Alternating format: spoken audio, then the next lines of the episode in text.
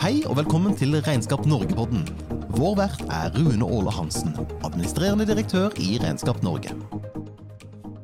Da ønsker jeg velkommen til en ny episode i Regnskap Norge-podden. Og vi har med oss Bjørn Bjerke, vår ekspert på IT-sikkerhet og kryptovaluta. Eh, og vi starter rett og slett året med å sette søkelys på IT-sikkerhet. Eh, velkommen, Bjørn. Takk skal du ha, Rune. Du har vært her før. Da pratet vi krypto. Nå er det IT-sikkerhet. Ja, nå er det IT-sikkerhet. Hvorfor er det viktig? Det er, eh, det er, mye endringer som har skjedd etter korona, eh, som har gjort at hele landskapet på internett og det vi kaller hacking, eh, har, har, endret seg, endret form. Som gjør at det er vesentlig mer av det som foregår i dag, enn det det var eh, håper å si, før, før 2020. Mm. Ja, for nå må jeg bare se på jukselappen min her. Altså, det er jo Næringslivets sikkerhetsråd har en egen undersøkelse. Den siste som kom der, viser at uh, eh, 10% av eh, bedrifter med fem eller flere ansatte er blitt utsatt for hacking eller phishing. Mm. Uh, og det er jo litt det du sier. Det er et tall som er stort, det er økende tall. Og det er vel også noe som vi merker i vår bransje, altså mm. regnskapsbransjen osv. Ja. Men, men eh, hva, hva, er det, hva, er det, vi merker? Hva er det det blir mer av? Altså Phishing er jo ett ord. altså kan du forklare, mm. Starte med å forklare hva er phishing for noe? Hva betyr det? Nei, Det betyr eh, i, i, sin vanligste form eh, at uh, du mottar en e-post. gjerne fra noen du kjenner, eller, eller, en eller annen myndighet eller bank som eh, ber om å få noen oppgifter eh, fra deg for å eh, sjekke noe. og dette blir jo spredd ut massivt. Vi har også oppdaget veldig mye telefonoppringinger og, og sånne type ting kun for innhenting av informasjon. Så phishing er en måte å innhente informasjon før et angrep. Men hva betyr det da, altså innhente informasjon? Altså, hva, er, hva er det som skjer sant, når de tar kontakt med en virksomhet? Da? Hva er det som skjer? Um, nei, det, det, hackerne eller disse cyberkriminelle forsøker å gjøre, er å finne eh, Finne personer eller innganger i systemet som er svake ledd. Eh, så det blir kartlagt eh, først. Og det som skiller seg veldig fra før korona, er at før korona så var det én hacker, eller kanskje en hackergruppe, som var veldig eh, begrenset, som gjorde alt arbeidet. Nå er det sånn at eh, mye av arbeidet skjer fra aktører eh, som ikke nødvendigvis gjør selve datainnbruddet, eh, men at de henter inn informasjon og selger det videre til andre hackere som, som eh, gjerne finner flere måter å komme seg inn på en bedrift via flere som har utført eh, type phishing-angrep eller på annen måte funnet sårbare punkter i en bedrift. Mm. Men altså for vårt tilfelle igjen, altså regnskapsbransjen, har du noen tanker rundt hvorfor vi er så utsatt for eh, hacking, hackerangrep? Ja, det er klart det at regnskapsbransjen har veldig mye informasjon om andre kunder. Eh, så eh, regnskapsbransjen i seg selv er ikke nødvendigvis et så viktig mål for en hacker. Men å uthente informasjon fra regnskapsbransjen og få tilgang den veien kan gi et veldig ja, kartlegge et veldig sårbart punkt hos eh, sluttmålet. Mm. Eh, så det å ringe regnskapskontoret og spørre om eh, personopplysninger eller eh, andre ting hos en kunde eh, Kanskje de ringer og sier at de er fra kunden eh, og, og skal sjekke at Eh, fødselsdatoen til eh, daglig leder er riktig i systemet, eller noe sånt noe. Det det kan fort bli et veldig sårbart punkt for kunden til regnskapsføreren. Og på den måten så kan de forberede et angrep uten å ta kontakt med kunden, men heller bruke regnskapsføreren for å uthente informasjon. Og det ser vi veldig mye av. Mm. Jeg må jo si at eh, jeg har jo opplevd sjøl her i Regnskap Norge at eh, etter at jeg begynte her, så har jo medarbeidere eh, fått e-poster fra meg hvor jeg har bedt om å få Og Bjørn, kan ikke du hjelpe meg med dette her? Og skynde deg å fikse et eller annet for meg. ikke sant? Og så, ser det Det ser veldig tilforlatelig ut. Og er det, ikke, er, er det, en veldig sånn vanlig metode å jobbe på? At du, du, du sender en e-post, og så ser det veldig ut som ja, den kommer fra Bjørn, den kommer fra Rune. Selvfølgelig hjelper jeg Rune, ikke sant? eller jeg hjelper mm. Bjørn. Eh, altså, Hva er det vi skal passe på? Som, eh, hvilke røde flagg, hvilke ting er det vi skal eh, Hvordan skal vi skjønne disse tingene? da? Ja, det, altså, det er bra du tar det opp, fordi eh, jeg husker veldig godt den e-posten vi fikk, eh, alle mann. Og den, den, var jo ikke sendt Den var jo sendt i ditt navn, men eh, med tydeligere sjekk av e-postadressen, så, så, var den ikke sendt fra deg. Eh, men den var gjort på en sånn veldig Hva skal jeg kalle det? En banal måte. Eh, som gjør at 90 eh, av bedriften her de så det jo med en gang at dette her kan jo umulig være Rune. Dette må være noen som forsøker å, å fishe oss. Men så var det 10% av oss som, som, ikke så det med en gang og ikke reagerte. Kanskje vi var stresset, kanskje vi hadde andre ting eh, som foregikk akkurat idet vi fikk den e-posten, og svarte i, i full hast. Um, det jeg er redd for Eh, jeg, jeg, kan ikke vite for sikkert, men det jeg er redd for i et sånt tilfelle, er at uh, i bakgrunnen så sitter det en hacker, og han noterer seg ned OK, her er de, de svake leddene i denne bedriften. Så om eh, han enten skal bruke dette her selv mot et cyberangrep mot oss, eller selge denne informasjonen videre, så kan han selge inn at eh, skal du forsøke et cyberangrep mot Regnskap Norge, så skal du gå på disse personene. For de var de som svarte på e-posten eller mm. klikket på linken eller hva det Men, men jeg, jeg, må si, for jeg kan jo jeg, jeg kan kjenne på det sjøl. I en travel hverdag så skal du bare måke unna noen spørsmål som kommer. Mm. Eh, rett før eh, friste for å levere momsmelding eller altså, Det kan være alt mulig rart. Eh, og det ser tilforlatelig ut, og du trykker fort på et eller annet. Altså, det, er jo fort gjort å gjøre det, tenker jeg. Mm. Men, men, hva er det likevel altså, hva, er det som, hva, er det, hva er det vi likevel må passe på, da? Nei, det er jo øh, Det er jo satt mye systemer på plass for å hindre cyberangrep. Vi øh, bruker øh, en, en, underleverandør på IT, og det er jeg helt sikker på at de aller fleste regnskapsførere også, også gjør. Eh, og det er klart at det er mye som blir stoppet allerede der. Det fins brannvegger, det fins e-postfilter osv. Men innimellom så er det en e-post som greier å komme seg gjennom. Eh, så av de 100 eh, forsøkene så er det kanskje 97% som blir stoppet. Og da har du 3% som gjenstår, og de havner i fanget til de ansatte. Mm. Og da er det viktig for de ansatte å, å ha en del sånne forhåndsregler, være litt bevisst på eh, disse tingene. Eh, selv om, om, de klikker eller svarer på en mail eller eh, gjør noe feil, så fins det måter å, å, å, forhindre det.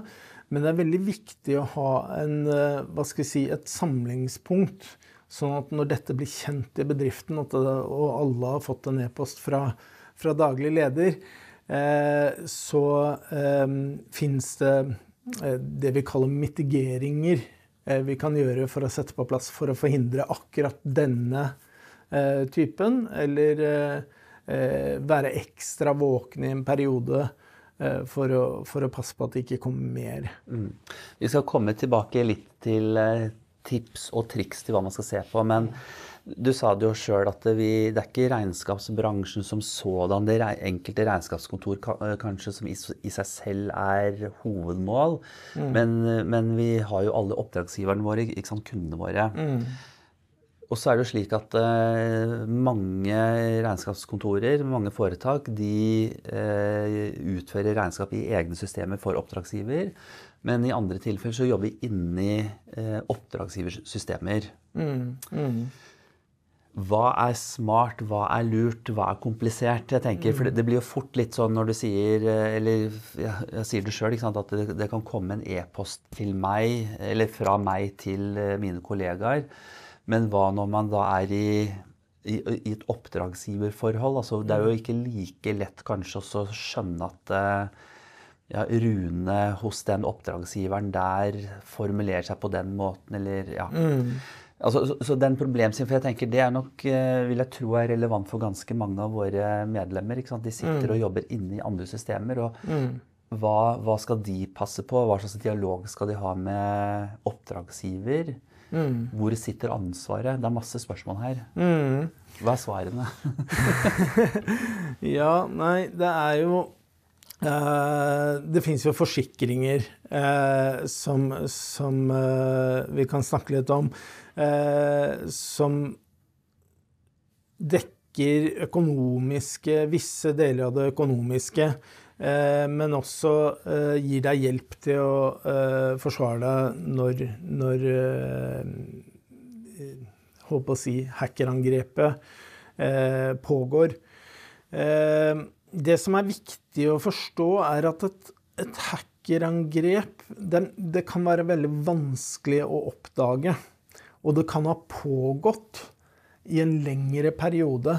Det er ikke sånn at eh, plutselig en dag så oppdager man eh, noe. Altså, det, det, det, er ikke helt sånn det foregår. I noen tilfeller så kan det være en veldig sånn pang, nå skjedde det noe. Eh, nå ble alle filene våre kryptert, og, her står vi utelåst. Eh, mens i de aller fleste eh, Altså, hva skal jeg si om jeg skal ta hackerens side eller cyberkriminalitetens side i de suksessfulle attakkene de gjør, så, så blir de aldri oppdaget. Mm. De sitter og hører på informasjon. De, de overvåker hvilke samtaler som går ut. De lærer om bedriften, og de henter den informasjonen de ønsker. Og det kan være ikke sant, Du har jo vinningskriminalitet, åpenbart. Uh, som jeg tror er den, den, mest vanlige. Altså det er snakk om penger. Uh, men du har også hærverk. Og, og i hærverkssammenheng espionasje, altså bedriftsespionasje, for å sette ut en, en konkurrent. men også ID-tyveri. Eh, og ID-tyveri er nok kanskje den verste av dem. Fordi ikke bare oppdag... Altså det at du ikke oppdager at du, du har vært i et cyberangrep, men du oppdager kanskje ikke at ID-en din blir brukt mm. til eh, noe annet. Jeg har eh, en veldig kjent historie fra Europa med en 22 år gammel taxisjåfør i Nederland. Som da var satt som eier av Eh, var det 13 bedrifter i Hongkong og skyldte milliardervis av, eh, av dollar. Eh, for disse bedriftene hadde jo da holdt på som vilt. Og, han, altså når politiet grep han, så skjønte ikke han hva det var snakk om i det hele tatt. Og han hadde tydeligvis da blitt frastjålet sin ID for kanskje årevis tilbake. Og Eh, og var satt da som, som CEO og daglig leder i, og styreleder i disse bedriftene i Hongkong. Så det var, eh, det var en grusom historie. Eh, spesielt da for, for, for denne stakkars taxisjåføren. Men det er Det er Det er veldig Altså det er veldig variert eh, miljø der ute i forhold til eh, om det er eh, vinningskriminalitet, eh, Altså, vi snakker ofte om eh, flere forskjellige grader av, av hackere. Du har noe som heter black hat-hackere, som holder alt skjult. Det er da vår espionasje og den type ting. Eh, men så har du eh, grey hat, som er de som eh, gjerne henter inn informasjon, legger det ut tilgjengelig for alle på internett, enten via betaling eller, eller helt åpent. Type stjeler passord. Og så har du det som heter script kiddies. Det er de, den yngre generasjonen ofte som gjerne vil bli hackere. Og, og der ser vi mye hærverk.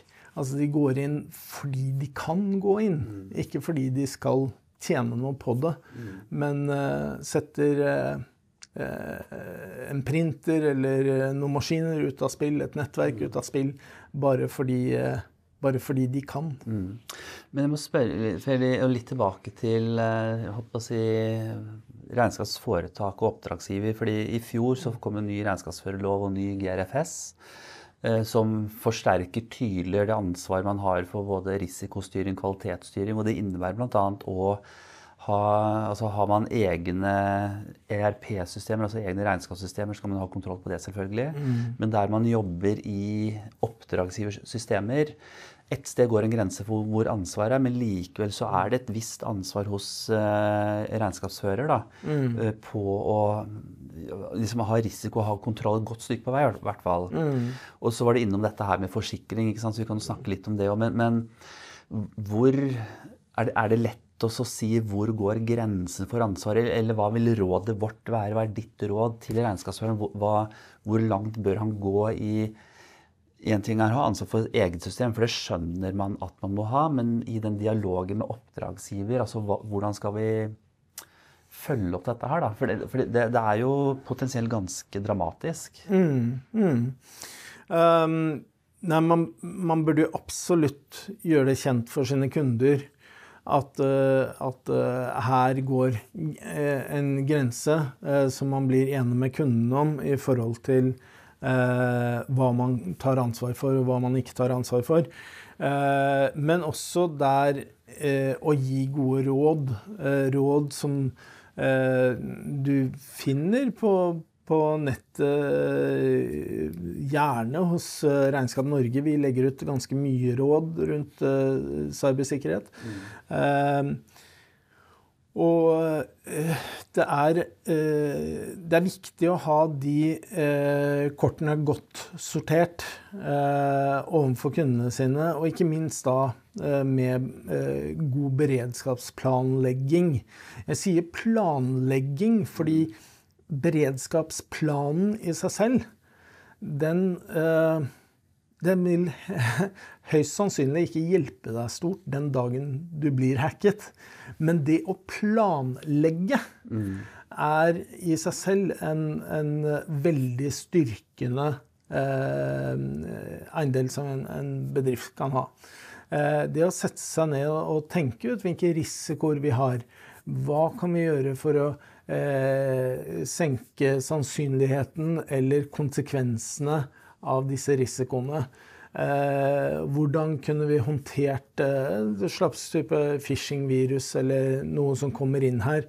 Eh, hva gjør vi? Hvem ringer vi? Eh, og så videre. Eh, og når man har tenkt ut det, skrive ned alt det i en beredskapsplan samt uh, gjenoppretting, og om du bruker en underleverandør på, på IT, så er ikke det uh, det samme som å si at nei, men de har beredskapsplan, så vi trenger ikke. Nei, du må ha en beredskapsplan fordi du må vite hvor går kommunikasjonskanalen. Om eh, telefonen din er satt ut av spill, hvordan skal du kommunisere med IT-leverandøren din? Eh, ha et par kanaler åpne og, og, og eh, kartlegg egentlig hvordan du håndterer den situasjonen. Um, det, det, er ofte vi får inn telefoner her til Regnskap Norge hvor, eh, hvor det har vært eh, i større eller mindre grad et cyberangrep. Eh, og personen i andre enden, som, som, som jeg ofte snakker med, da, eh, er i sjokk. Mm. De vet ikke hva de skal gjøre. De står på, på, på stedet hvil. Mm. Eh, de, de, skjønner ikke hva neste steg er. Og det er klart at i, i 99% av tilfellene så er det å politianmelde. Uh, og jeg vet hva dere tenker. Uh, dette blir jo bare henlagt. Det er ingen som finner ut av det. Ja, men du politianmelder ikke nødvendigvis fordi du skal ta noen her. Du politianmelder for å fortelle din historie, slik at du har et dokument som Finanstilsynet kan forholde seg til, som forsikringsselskapet kan forholde seg til, som eh, Datatilsynet kanskje er involvert, om det er personopplysninger. Så eh, du, du, kommer aldri videre uten den politianmeldelsen. Mm. Så altså, kort sagt, politianmeld hvis det er, eller når det har skjedd et eller annet? Ja, absolutt. Men, men, du sa gode råd, og da kan du kanskje ta opp litt dette med forsikring. Fordi mm. ikke sant eh, vi har en cyberforsikring i Regnskap Norge eh, som, som, vi samarbeider med Gjensidige om. Mm. Du kan si litt om hva, hva betyr den? Betyr den at du får dekket alle kostnader hvis uh, ulykken er ute? Eller er, eller er det andre sider ved forsikring som kanskje er mer verdifull? Uh, mm. ja. Um, cyberforsikringen som Gjensidige tilbyr, eh, som vi støtter opp om, er jo fra oppdagelsestidspunktet. Når du vet at du er hacket, eh, så kan denne forsikringen tilby deg eh, ekstremt god IT-hjelp fra en eh, underleverandør av, av Gjensidige. I tillegg til det så dekker den rettshjelp overfor kundene dine og eventuelt økonomiske tap fra angrepstilfellet. Eh, det den kanskje ikke dekker helt eh, ut, er tapet ved angrepet. Altså idet angrepet skjedde, så kan det ha oppstått et tap. Mm. Eh, bankkontoen er tom. Mm. Det, om vi ikke kan knytte det mot straffelov, straffeloven kapittel 21, så vil ikke bli dekket av forsikringsselskapet. Eh, og dere får gjerne slå opp eh, på Lovdata eh, straffeloven kapittel 21. Eh, det er ikke så mye som er dekket i loven som eh, det man skulle ønsket, kanskje. Um, og, og det er litt sånn noen av, noen av, de tingene man kanskje tenker at dette dekker også, er jo eh, i forhold til eh, Datatilsynet. Så har du, eh, om du oppdager at personvernoppgifter eh, har forsvunnet, så har du 72 timer på deg å ringe og anmelde dette her til Datatilsynet. Eh, det vil forsikringen hjelpe deg med å, å forstå. Eh, men om det går over 72 timer fra du har oppdaget at det har pågått et cyberangrep, eh, så vil du få en bot. Og den vil ikke forsikringen dekke. Mm. Og den kan være saftig. Så, så litt, litt, enkelt sagt, uh, forsikringen dekker en del ting, men vel så viktig kanskje er at den gir råd og god veiledning i å håndtere mm. hele prosessen. Da. Og du får tips til litt sånn som eksempelet du ga i stad på telefoner som kommer inn. Man vet ikke hva man skal gjøre. og Har du, den, har du denne forsikringen, så har du kvalifisert personell som kan råde mm. i de ulike skrittene å ta. Mm. Ja. Så, så, det er viktig å handle idet man oppdager at uh, man har blitt utsatt. Mm. Uh, det er uh, derfor vi har i GRFS-en kravet om en beredskapsplan. Mm. sånn at du vet hvem du skal ringe, hva du skal gjøre. Mm. I beredskapsplanen så burde det stå klart og tydelig 'politianmeld'. Mm. Ta kontakt med forsikringsselskap. Um, grunnen til at eh, det er så viktig dette er, det, det må komme i riktig ordning også. Uh, for forsikringsselskapet vil ikke prate med deg før du har den politianmeldelsen på plass. Uh, så selv om den ikke blir håndtert eller henlagt, så, så er det fortsatt uh, det som må på plass. Men det er i og for seg litt sånn som jeg fikk stjålet sykkelen min nå i sommer, og for å si, få eventuelt dekket av forsikring, så må det være en politianmeldelse uansett, uh, selv om den fort blir henlagt. Ja. Men, men, men hva, hva, er det vi kan se etter? Hva er det man skal se etter? Da? For, å, for du jo, du sa i stad at uh, det kan hende at du har vært utsatt for et eller annet, og det har pågått i lang tid. og Du mm. aner det ikke, og så skjer det et eller annet, og du aner fortsatt ikke. Mm. Hva er det vi skal se etter? Mm. Hvordan, hvordan, skal vi liksom kunne oppdage at uh, noen har uh, kommet seg inn i systemet, tukla med et eller annet? Hjelp! ja, det er et godt spørsmål. Altså at informasjon er plutselig slettet. Ikke befinner seg der hvor det skal ligge. Eh, at det er eh, kommet inn e-post den siste tiden med, med Eh, litt rare altså, spørsmål. Eh, sånn som eh, hva var, hva var person, personnummeret til daglig leder hos en av kundene dine? Sånne type spørsmål skal man være veldig våkne på. Man må huske at det, som en regnskapsmedarbeider så er du, så er du den aller beste brannveggen mm mot cyberkriminalitet. Eh, for det er, det er, nettopp du som bestemmer eh, hvilke websider du skal besøke, hvilke e-poster du skal åpne, hvilke linker du skal klikke på, eh, hvilken mobiltelefon du skal lade med PC-en din. Mm. Det er klart du kan lade din egen, og, og, kanskje om du har kontroll på barna dines mobiltelefon, så er det sikkert greit å lade dem òg, men kommer det en person bort til deg på et hotell og spør om kan ikke jeg låne USB-kontakten din. Ikke gjør det. Ikke gjør det.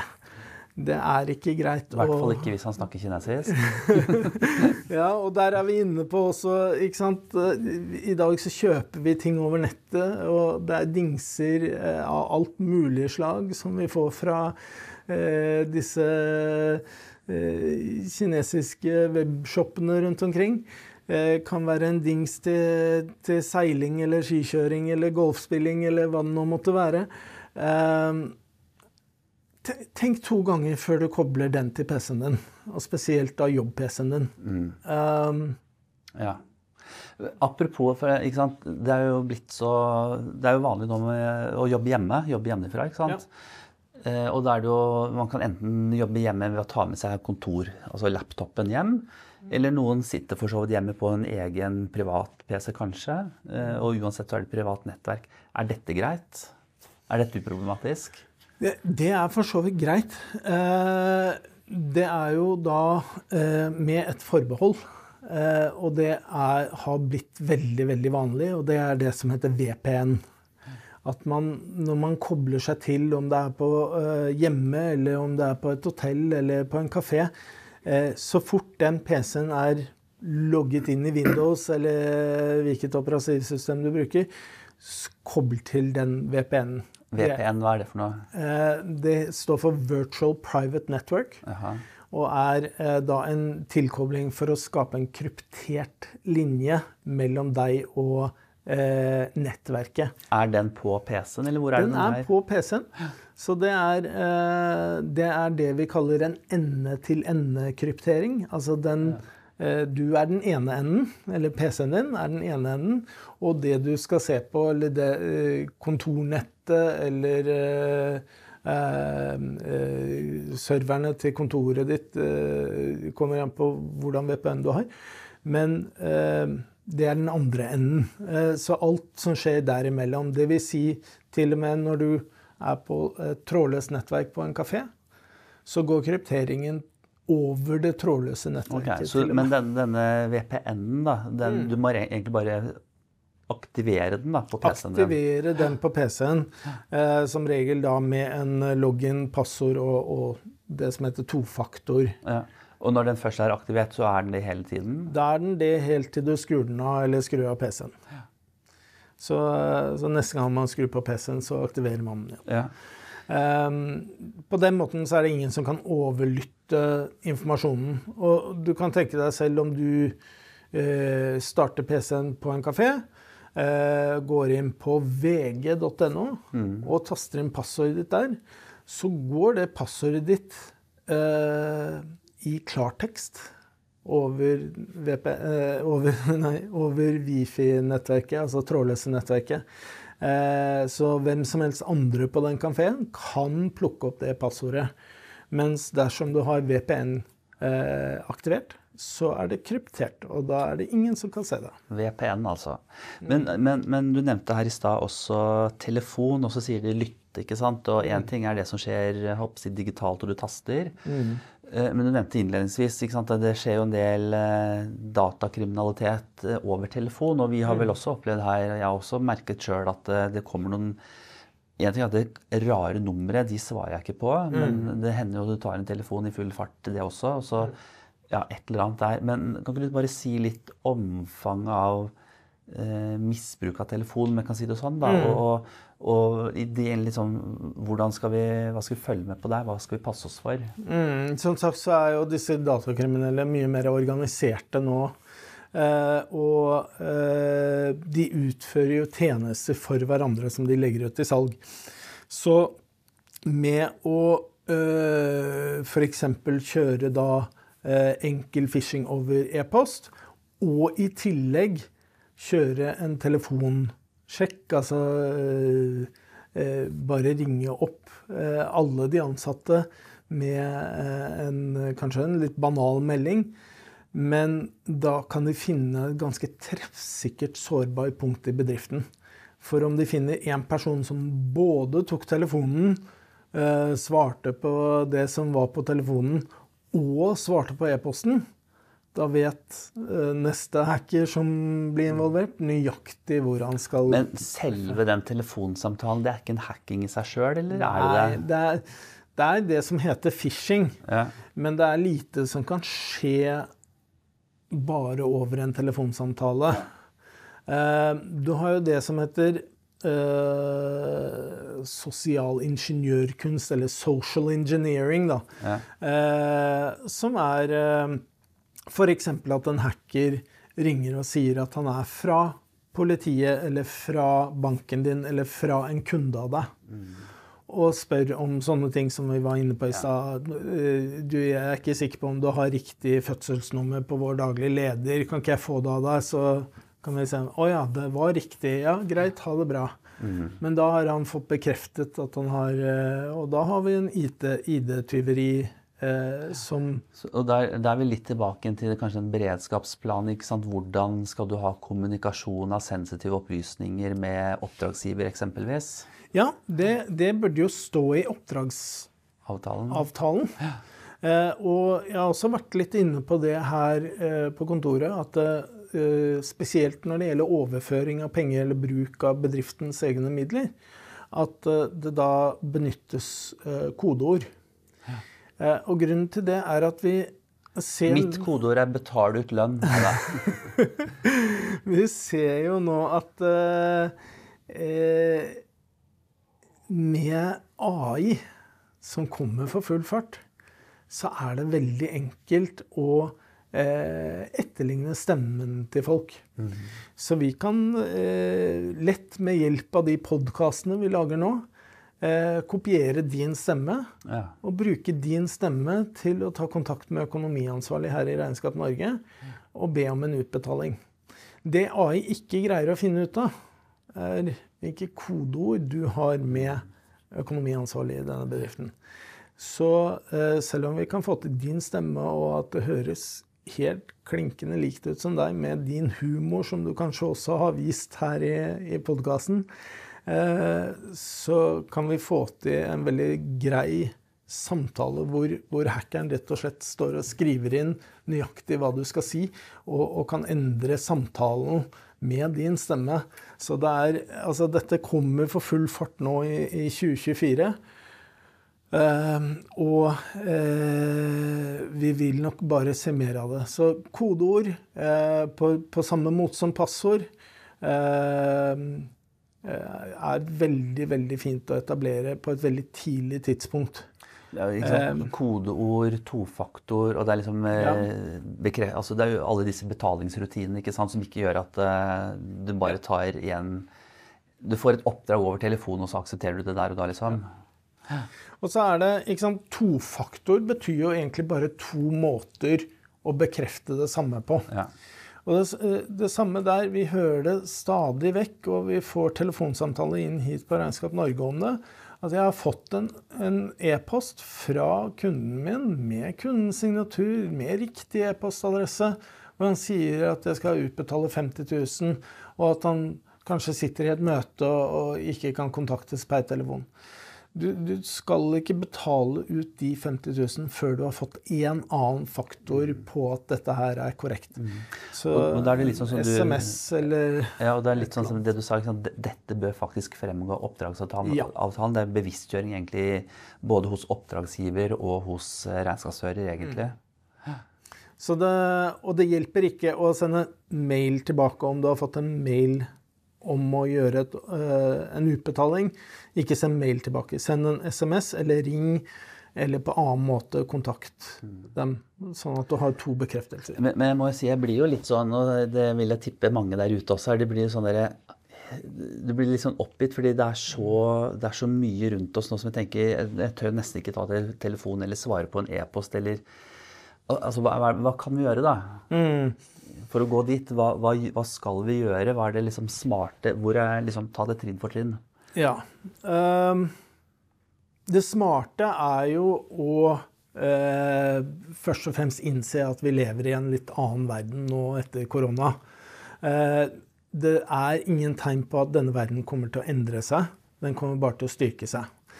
Så det å uh, sette av litt tid nå og lese seg opp litt innenfor eh, cybersikkerhet og hvilke trusler som er der ute, det tror jeg er veldig veldig nyttig. Vi på Regnskap Norge har jo laget på vår webside under teknologi og IT-sikkerhet en egen eh, hva skal vi si, en light eh, av, av artikler og små videosnutter som tar opp visse temaer. Eh, den kommer vi til å bygge videre på. Eh, I tillegg så er det det med å liksom være obs på eh, hvilke e-poster man skal åpne, eh, ha et komplekst passord.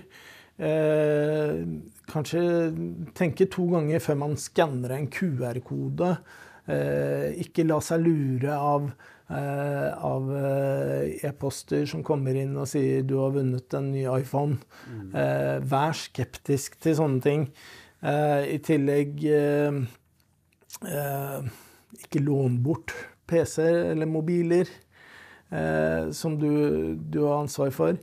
Eh, jeg har laget en hel liste av, av ting som er ganske åpenbare, men også er litt sånn nyttig, som, eh, som du vil finne på, på Regnskap Norge sine sider. Men, men eh, og det, det er liksom noe med å starte et sted. Jeg må bare spørre, Er det greit om folk ringer til deg, Bjørn, og så rett og slett spør eh, Kan du hjelpe meg eller sette meg på sporet av hvor jeg skal begynne å gjøre dette arbeidet? Hvor, hvor, hvor starter en beredskapsplan, f.eks.? Ja. Det er, eh, det er to te typer telefoner som jeg elsker å ta. Eh, og dessverre så er den ene av dem litt trist. Men den beste telefonen jeg får, er Hei, vi er fra et regnskapskontor sånn og sånn. Vi trenger hjelp til å starte og se på dette her med IT-sikkerhet. Jeg tar veldig gjerne en, eh, en samtale med deg da. Eh, Dere hørte det. det er bare ring Bjørn. Eh, den andre type telefonen eh, syns jeg er nyttig, men jeg syns den er veldig trist. Og det er når du oppdager at du har blitt hacket. Da har vi en jobb å gjøre. Eh, dessverre så er det veldig lite jeg får gjort herfra, annet enn å gi gode råd. Eh, jeg er jo eh, begrenset i, i min oppgave for å kunne eh, se på og konkret gjøre noe i den saken. Men jeg kan gi gode råd. Og det er, det er mye varianter der ute, så jeg, har litt, litt erfaring på området. Men, men akkurat det, det tenker jeg sånn, vi har vært innom det, det at når, når ting først har skjedd, så sitter man jo der kanskje med litt sånn Du vet ikke hvor du skal starte. Og et sted er rett og slett også ta en telefon til deg da, for å få komme i gang med, Ja. med prosessen. Absolutt. Kontakte forsikringsselskap, forhåpentligvis. Kontakte, altså Anmelde til politi osv. Mm. Det er de rådene du kan på en måte leie dem litt i hånda, da. Eh, Mm. Sånn på vei ut av uføre. Så altså, eh, ring medlemssenteret til Regnskap Norge. Eh, om du ikke har en beredskapsplan i dag som peker ut hvor du skal ringe, mm. så ring i hvert fall oss, da. Eh, så kan, eh, så kan eh, eh, kundesenteret vårt eh, eventuelt sette over telefonen til meg. Så kan jeg ta en prat med deg. Vi, vi snakker, eller det snakkes litt om eh, selvforsvar eh, Ja. i cybersikkerhet. Hva betyr det? Nei, selvforsvar er jo det jeg kommer tilbake til ofte her, som er hvilke e-post du skal åpne, hvilke linker du skal klikke på osv. Vær litt bevisst på det. Vær litt kritisk til den e-posten du får inn. Eh, når vi fikk e-post eh, fra tilsynelatende deg, mm. så var det første jeg la merke til, var at eh, du hadde ikke brukt signaturen din.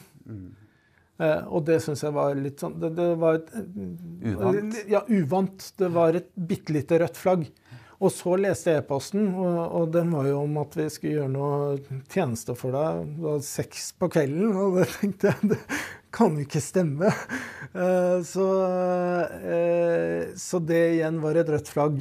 Og dette var jo før jeg så hvilken e-postadresse det kom fra. Det, da måtte jeg klikke meg inn for å se hvem er den e-posten fra.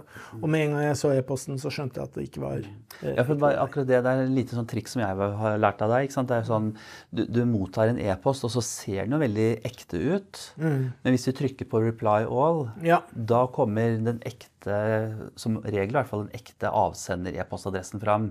Og da ser du fort at det, da er det sjelden at det er internt. Stemmer det. Ja. Så det er også en måte å gjøre det på. Um, Det er ikke alltid det fungerer, men det er et veldig, eh, veldig godt håper eh, å si førstegrep for å se eh, Se om det skurrer eller ikke. Um, Jeg pleier å si liksom Vurder mailen, og er overvekten av beskjeden du får, mistenksom, så vær ekstra forsiktig. Altså ting som avviker fra normalen. Riktig. Ja.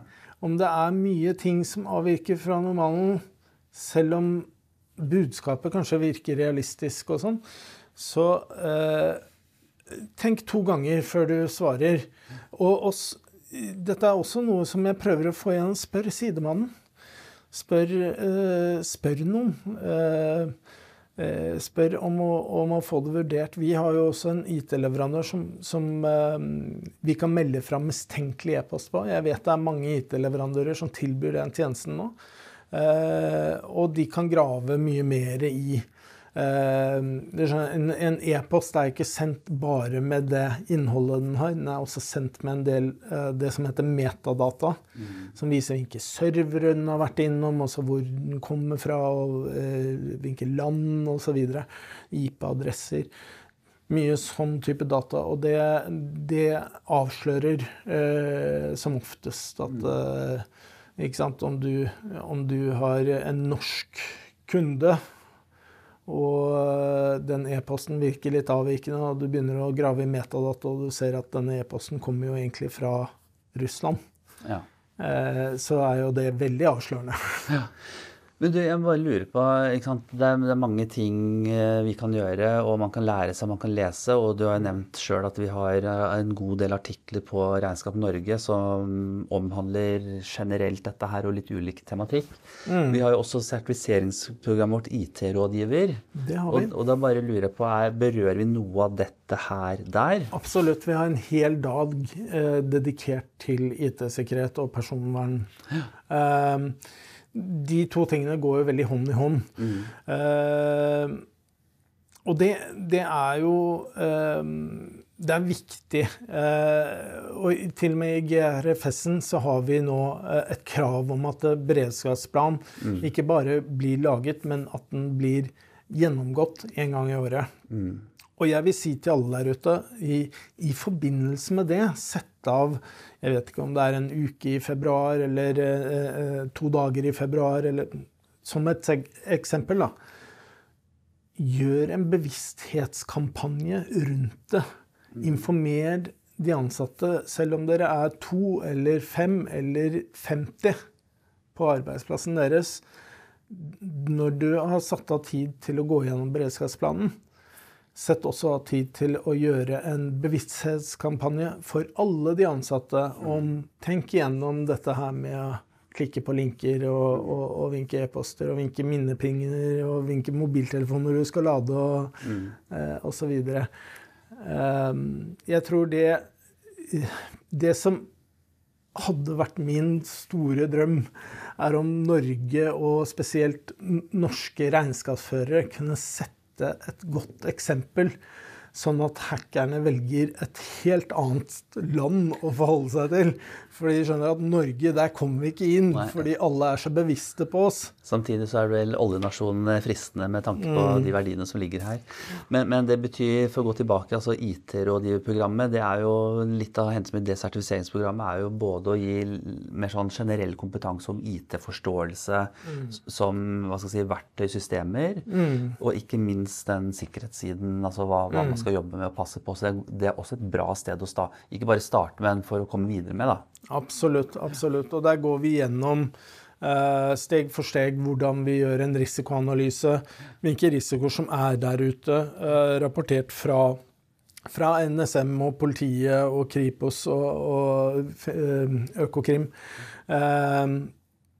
og vi går igjennom da beredskapsplanen Eh, hva, hva, den bør inneholde av eh, risiko, roller og også gjenoppretting for å få i gang driften igjen. Ja. Vi skal begynne å runde av, men er det, jeg må bare også nevne her, vi gjorde en liten sånn øvelse her apropos bevisstgjøring. så I gåseøynene så engasjerte vi noen for å kjøre et planlagt hackingangrep mot oss. Mm. Eh, E-poster litt sånn som du beskrev i stad. og vi har vel hatt noen telefoner. Jeg er litt sånn usikker nesten på hva vi har gjort. Men, men det var nyttig både å Jeg ble jo utsatt for det sjøl òg, men så oppleve de litt rare e-poster som kom. Eh, og hvordan vi da har reagert. Og etterpå i fellesskap har gått gjennom dette her for å bli bevisst på, som du sier. Mm. Se etter dette her. Eh, bli litt skeptisk når dette her oppstår. Eh, er du usikker, ring til Bjørn eller kontakt Bjørn, eller send mm. e-posten, ikke svar osv. Så, videre. mm. så, det, så det er jo Jeg syns det var veldig nyttig for vår del. Mm. Og tenker det er jo noe vi bare må gjøre hele tiden. Og som du sier, mm. det jo, ligger jo i GRFS-en at det, dette skal jo strengt tatt skje, eller bør skje regelmessig. Absolutt. Det er eh, det er ekstremt nyttig å hele tiden ha en pågående liksom, påminnelse på det. Uh, og, og, jeg vil si også til, til dere der ute og, og uh, Når dere gjør en bevissthetskampanje internt og går gjennom deres egen eh, beredskapsplan Send også påminnelser til kundene deres. Mm. Minn dem på at det fins ressurser der ute. Fortell dem det dere vet. Jeg vet fra egen erfaring at det, å skrive en artikkel om noe jeg nylig har lært, det gjør at jeg mm. kan det enda bedre. Mm. Så, så, jeg foreslår at alle dere der ute gjør det etter dere har hørt denne podkasten, eller eh, lest noe mer på, på eh, Regnskap Norges IT-sikkerhetsside.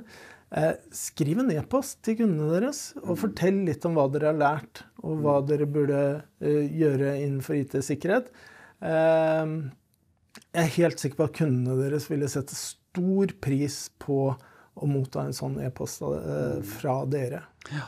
Og vi har jo sett det på de historiene som andre har delt med oss, at uh, der de har vært åpne Når de først har vært ute for, jeg kaller det for ulykken, jeg da, mm. for en hendelse, uh, og når de da deler det med kunden, oppdragsgiverne sine, mm. så opplever de jo både forståelse for at ting kan ta tid, ting stopper opp i leveransen, det er problemer. Men de opplever også økt grad av tillit. sånn at i, i det langsiktige kundeforholdet og oppdragsgiverholdet blir kanskje forsterket etter en sånn episode hvis man håndterer det på en god måte. Ja, for det er nettopp det omvendte av hva man skulle tro. Altså, og, og- det å bli hacket eh, eh, dem, vi, dem vi ikke forteller noe om. Mm. Nei, tvert imot. Eh, det, du skaper ikke noe tillit med å holde det skjult. Eh, vær åpen om det. Eh, fortell om hvilke utfordringer du står overfor. Eh, og få den hjelpen du trenger for å, eh, for å komme i gang igjen. Eh, og som vi sier på, på IT-sikkerhetssiden, det, det fins to typer bedrifter. Det fins de som har blitt hacket, og de som ikke har blitt hacket enda. Ja. Um, og er du en av de som har blitt hacket, så er du vesentlig bedre stilt, for da vet du hva dette her eh, gjør med deg, og du kan forsvare deg på en mye bedre måte. Er du en av de som ikke har blitt hacket enda, så eh, kommer det en læring snart din vei. Ja. Og da tenker jeg sånn for å runde helt av her, altså hvis du skal nå til eh, lytterne og seerne eh, gi tre råd, eller to eller et eller annet, altså, eller om det bare er ett, hva er det viktigste rådet til da de som skal sette i gang med å lage en beredskapsplan, eller få dette her på dagsorden 2024, vi er i januar, nå skal vi komme i gang. Hva skal vi gjøre? Søk informasjon om trussel, eh, trusler som er der ute. Vi har en liste på våre sider. Eh, ta tak i dette her som heter eh, eh, altså eh, bevissthetskampanjer. Eh, ikke sant? Bevissthetskampanjer. Fortell om Fortell de ansatte om at de er den beste brannveggen vi har. Eh, hvilke e-poster man skal åpne osv. Hvilke mobiltelefoner man skal lade med PC-en. Og eh, til syvende og sist eh, Skjer det noe, politianmeld. Politi ikke sitt stille. Eh, vi har sett flere som har sittet stille, som dessverre ikke har en bedrift i dag. For dette kan lede til konkurs om du ikke gjør det rett. Informasjon, bevisstgjøring, politianmeld, og lurer du på noe, ring Bjørn. Supert. Veldig bra. Takk skal du ha, Bjørn. Takk.